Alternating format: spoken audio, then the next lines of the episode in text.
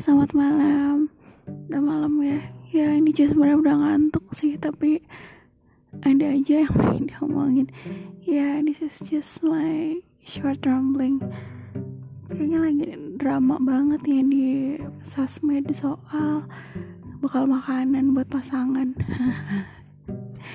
ya ada yang wah so sweet banget ya. Ada yang satu lagi bilang ngapain sih bikin bekal makanan astaga suami kita tuh siapa sih? Terus terus kita capek-capek bikin bekal makanan buat diselingkuhin. Hmm nggak deh. Oke, kalau aku sendiri aku termasuk orang yang pengen banget bikinin lunchbox. Ya aku tuh paling karena aku kebenaran doyan masak jadi kayak kalau misalnya kita kalau aku ya masak buat seorang dan orang yang aku masak itu bilang enak. Itu tuh kayak udahlah lu makan semuanya aja deh lu makan semuanya puas-puasin gitu ya itulah yang terjadi pada adekku ya kalau misalnya aku makan bikin sorry kalau misalnya aku masak sesuatu misalnya aku masak dimsum gitu dan katanya itu enak itu kayaknya satu dandang tuh udah pengen kasihin ke dia semuanya dan sama-sama ini dihabisin. Jadi aku ngerasa kayak oh dia menghargai ini menghargai masakanku gitu. Ini dia suka. Nggak sia-sia lah ya capek-capek masak. Nah. Aduh sorry jatuh mulu. Oke nah berkaitan dengan lunchbox yang itu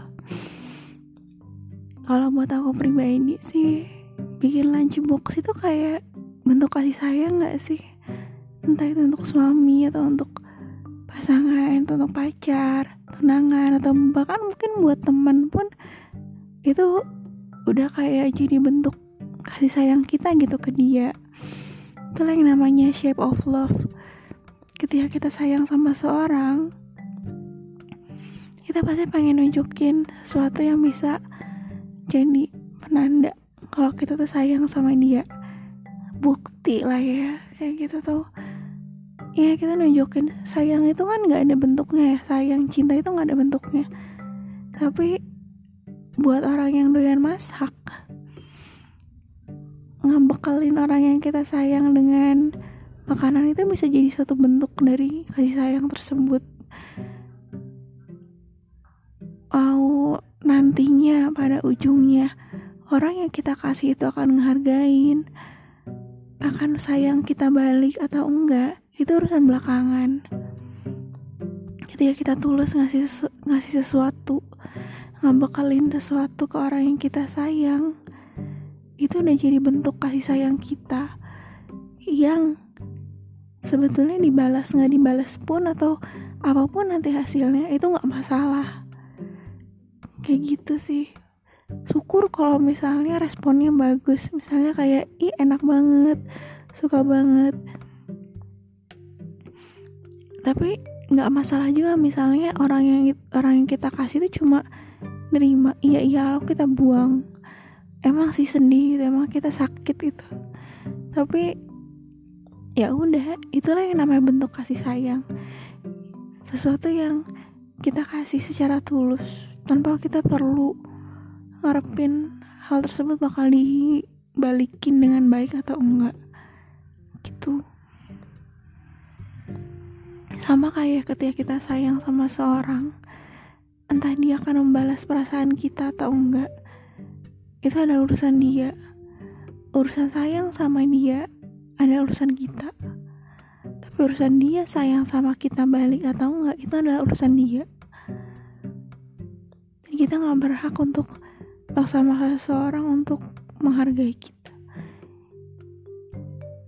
Ya kalau misalnya kita nggak setuju lah ya sama orang yang misalnya aku nggak setuju sama orang yang bilang matchbox itu apa sih?